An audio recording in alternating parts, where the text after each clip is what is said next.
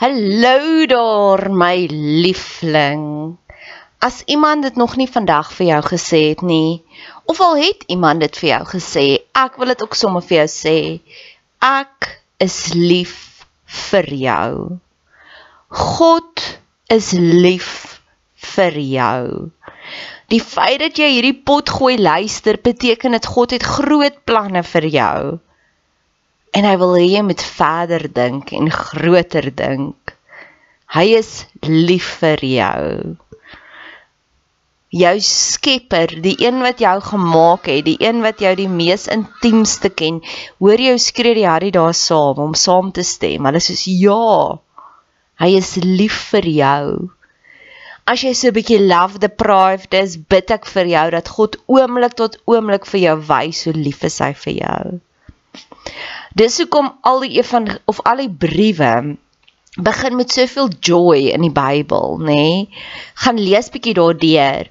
Um Johannes skryf, ek hoop dat jou siel 'n skat ryk. Judas skryf, is nou Judas wat hy skryf, liefde is op pad. En ek dink is ook Judas wat praat van mag alles binne in jou jubel van blydskap want God is so amazing. En weet jy hoekom skryf hulle dit? Want hulle het dit ervaar en dit is soos daai liedjie I can't keep keep it in I have to get it out. En dis my seëning vir jou. Al hierdie verhoogde emosies wat ek ervaar, mag jy dit ook ervaar want ek weet hoe voel dit om daaronder te wees en dood te wees binnekant maar ek weet ook hoe voel dit om te vlieg soos 'n arend. Mag jy dit vandag ervaar. Dankie dat jy tyd spandeer op my kanaal. Dankie dat jy jou kosbare tyd investeer. Maak kontak. Ek love dit om van julle te hoor. Niks gee vir my soveel joy soos om te sê 'n boodskap neem. Ek is op al die platforms, Instagram, Facebook. Stuur vir my 'n Facebook boodskap, Bet Seber en ek stuur sommer vir jou my selfoonnommer. Laastens, as jy wil betrokke raak, asseblief doen. Ek het altyd hulp nodig. Hulp nodig aan bemarking, hulp nodig as jy van jou tyd wil investeer in koninkrykswerk. Jy hoef nie net pannekoeke te bak by die kerk bazaar om koninkrykswerk te doen. Jy hoef nie net soos jy Jehovah getuies gaan klop aan deur om te sê wil jy deel word nie. Daar's soveel meer maniere. Geniet die podcast. Dis 3 minute. As jy as jy dit een keer geluister het en jy wil dit elke keer forward, ek gaan jou eer 3 minute. So die siege van Jesus, Herodes, Johannes die Doper. Wat is jou sterkpunte? Een van my sterkpunte is ek verstaan vinnig hoekom mense so optree. Ek kan sien jy daai gedoen omdat jy bang was. Ek kan daai ek kan jou beweegrede toksies agter dit raak sien. Ek's besig om myself te leer hoe om die positiewe beweegredes raak te sien. Ek bestudeer suksesvolle mense en sê maar, "Hoekom het jy dit gedoen? Hoekom het jy uit jou besige skedule uit daai tyd gevat om daardie welwillendheidswerk te doen. Wat was jou motivering agter dit? Want ek het 2 jaar terug het ek vir myself 'n kommitment gemaak van ek is klaar met drama en trauma.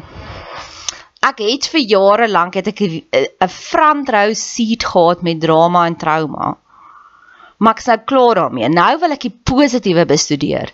Hoekom maak besigheidseienaars, suksesvolle besigheidseienaars daai besluit? Hoekom floreer mense en ander nie? En dan wil ek eerder daai sukses bestudeer as die ondergang. As 'n resultaat van dit omdat ek so fyn proewer is van mense se emosies het ek mense al onder die tafel ingebrideneer om te sê, "Ag, ah, jy's verkeerd." Ek kan onthou ek het na 'n um afrigter toe gegaan en toe sê ja, maar as jy gesond is, gaan jy niks meer emosies ervaar nie. Dis niks meer negatiewe emosies. Dis ek a a en hy die Dalai Lama gebruik as 'n voorbeeld en ek sê a a En my grootste aanwins is Ek's regtig 'n Bybelnerd en as 'n resultaat van 'n Bybelnerd ken ek God se hart en ek ken Jesus se hart. Nie ken ken nie, ek weet ek leer elke dag nog 'n nuwe dimensie en dit is so lekker. Maar my bullshit meter met dit is baie hoog.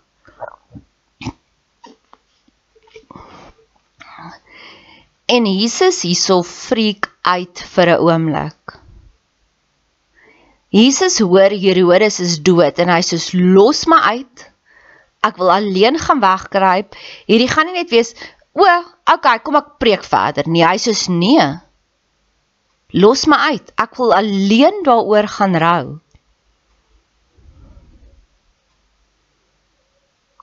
Jy mag 'n oomblik vat om te rou.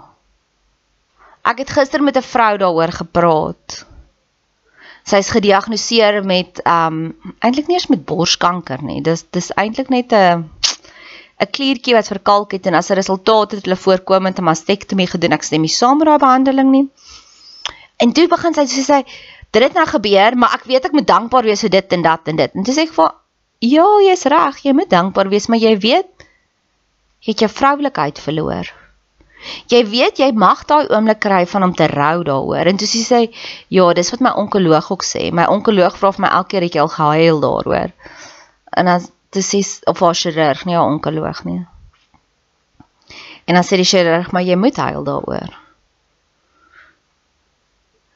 En ek het nog 'n bevestiging, Elizabeth April het ook verlede week het sy ook 'n podcast gemaak oor jy moet rou oor die dinge. Moenie dit net onderdruk nie. En dis wat Jesus ook hier gedoen het. Jesus het bitter seer gekry toe hy hoor sy neefie is dood.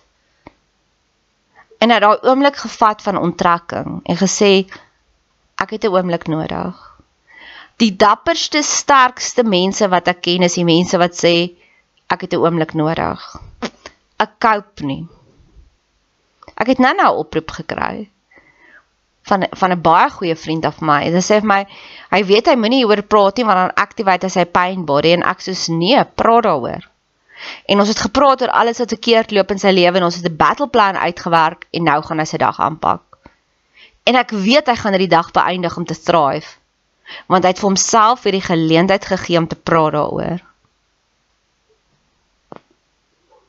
En Jesus ook. Jesus het daai oomblik uitgeblok om te sê ouens, hierdie is vir my slag. Julle kan nie nou verwag dat ek weer Jesus wat vir julle almal gaan bedien nie. I need a moment. Want dis wat ek verkeerd gedoen het. Ek het agtergekom ek is net die versorger in die familie. So die oomblik toe ek hulp nodig gehad het, was niemand daar vir my nie, want hulle was nooit gewoond daaraan dat ek het ook hulp nodig nie. En ek coach en hulle guide hulle nou so saggies. Maar ek gee vir myself sulke oomblikke.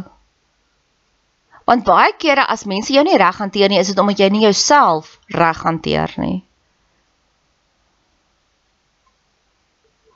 So daar's ons dit, vat daai oomblik, grief daaroor.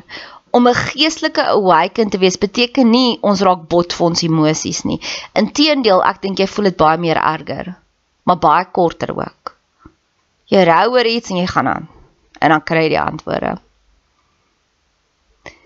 En die tweede verhaal waarmee ek jou lewe wil verryk is Herodes kap Johannes die Doper se kop af. Maar as jy fyn genoeg luister, besef jy dat Herodes het geweet is verkeerd.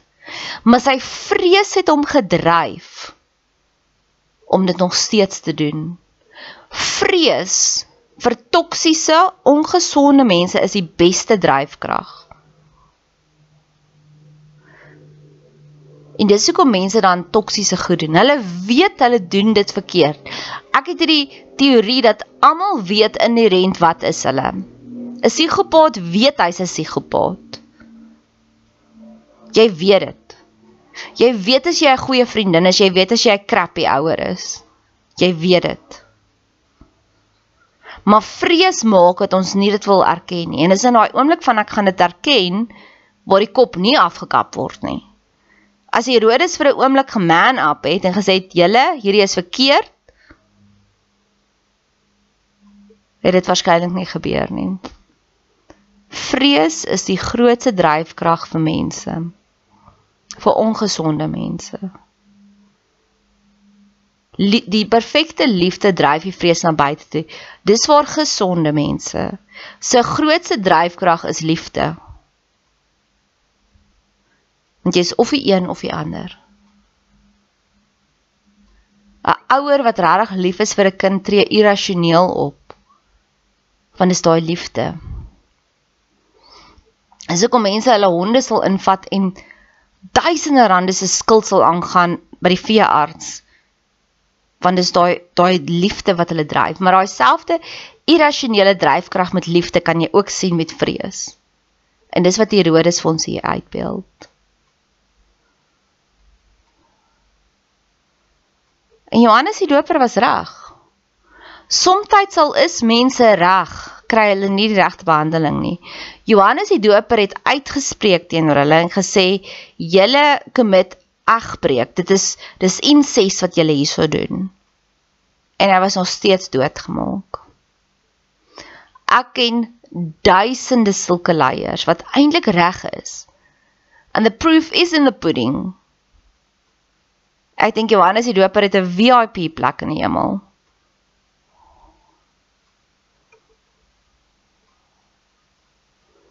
maar hy kan dalk deur 'n korttermynsuffering gegaan het. Oud-president F.W. de Klerk. Hy was reg. En hierdie kant van die hemelgordyn het niemand hom die eer gegee wat hy eintlik moes kry nie. En dis 'n klassieke Johannes die Doper geval. Hier's nog so 'n voorbeeld, Lady Gaga. Lady Gaga is so enlightened maar noem ek haar naam, dan sê mense vir my, "Ooh, maar sy het 'n vleisrok aangetrek." Ja, weet jy hoekom? Ek het al meer geestelike lesse by haar gekry as ek na haar podcast luister as by kerkleiers, by dominees, by braders en almal tel die klip op en gooi haar. Sy is enlightened, sy is Johannes die Doper en daar's baie sulke gevalle. You too van Bono se U2. Ek het sy boek gelees. Daai man is enlightened for excellence. In die week nadat die Dalai Lama in die kollig was. Hy was verlede week in die kollig oor daai wat hy sy tong uitgesteek het vir die seentjie. Wat ek net dink wat baie cute was want dis die Dalai Lama, hy's baie spelerig. En omdat sy intensies is so pure, daar is nie seksuele energie by hom nie. So vir hom ja, ek ek ek verstaan so 100%, maar Hoekom ek nou hierdie storie vertel is YouTube sien alles wat hy doen as 'n bedieningsveld en hy reik bereik miljoene mense. En elkeen van daai liedjies het 'n diep diep diep geestelike mistieke impak. Dis praise and worship songs. En omdat hy nie in 'n geloofsleier posisie is soos die Dalai Lama nie, bereik hy sy grondgebied. Ek wil eendag in daai by hom staan in die hemelkamers en sien watter groot grondgebied het hy bereik. Want geestelike lesse werk soos marinade. Jy marineer 'n steak. En ek weet sy sy boodskap was net marinade, was net marinade, was net marinade.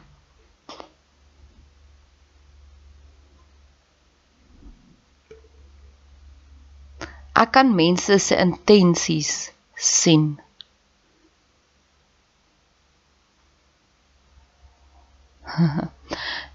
Die terapeut by wat ek was, is hy werk op jou energiebronne. En um, ons is nou op daai punt wat hy vir my gesê het, so watter een wil jy regtig aktiveer? Wil jy jou hart aktiveer? Wil jy jou throat aktiveer? Wil jy jou pineal gland aktiveer?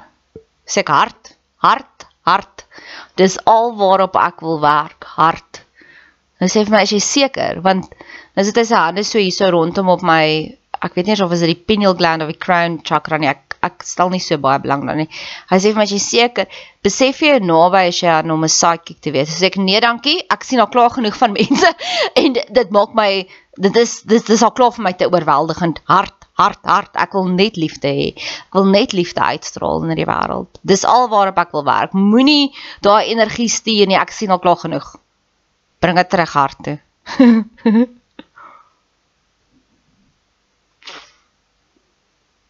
maar net genoeg. Dis daai gebed aan die einde van Spreuke wat hy sê, Here, moenie vir my te veel brood gee nie en ook nie te min nie, net genoeg. Behalwe vir liefde. Die liefde die hart een, hy kan explode, hy kan groot gaan. Vir hom het ek geen perke nie, maar vir al die ander goed moet daar maar 'n bietjie perke wees. Die een is jou sacred chakra en ek is heeltemal al klaar stout genoeg, so hy moenie meer aktief aktief wees nie. En nou wil ek nog stil staan want ons het nog tyd by die Johannes die Doper. Something's gotta give. Johannes die Doper sterf en daarna sien jy Jesus rocket. Iets moet sterf vir iets om te gebore te word. Dis 'n baie belangrike geestelike konsep. Tot en met hierdie punt was die wonderwerkies one on one, klein. Hy's 'n bietjie vir Petrus gehelp met sy visvangs. Ja, hy het al op hierdie stadium by bruilof Kanaan ding gedoen met die water en die wyn, maar dit eintlik net vir sy ma gedoen. Van hier af is Jesus cheeky Jesus is bold. Hy voed 5000 mense. Hy loop op die water. Sy wonderwerke was altyd bietjie weggesteek en hy sal dit as jy The Chosen gekyk het, sal jy sien hoeveel keer kere sê hy my tyd is nog nie reg nie, my tyd is nog nie reg nie. En die oomblik toe Johannes die Doper sterf, toe sy tyd ewe skielik reg. En daai is 'n geestelike beginsel. So diep, so diep so diep. Iets sterf en iets ignite. Ek het verlede week al my aandag gefokus op TikTok. As 'n resultaat het my Facebook post wat altyd goed gaan, het ge was epic fail. Ek het een gekry wat niemand eers gesien het nie, want something's got to give. Daar's altyd 'n koste wat jy betaal aan enige geestelike upgrade ek het in Februarie 'n groot emosionele cut-off gedoen waar iemand by my ingetap het. I am on fire hierdie afgelope 2 maande. Want ek het daai laat sterf. Dis tragies dat Johannes die Doper gesterf het. Maar as 'n resultaat van dit het Jesus se bediening next level gegaan. So my volgende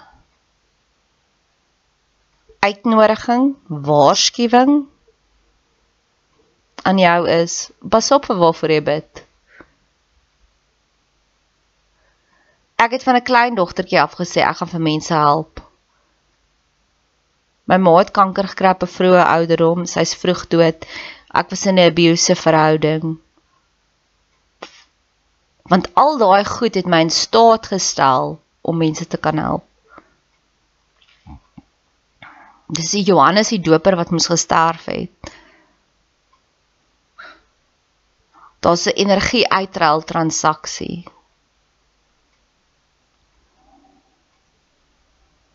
So kyk na jou losses. Moet nie hulle ignoreer nie. Want hulle is voorspellings. Hulle is waarsê waarsêers balle van waantoe jy op pad is. al die mense wat ek ken wat die liefste voor ek is en wat wat die mees amazingste mense is, het die mees tragiese stories. Want hulle is nie daar net per ongeluk nie. Die lewe het nie net alles perfek uitgewerk vir hulle nie.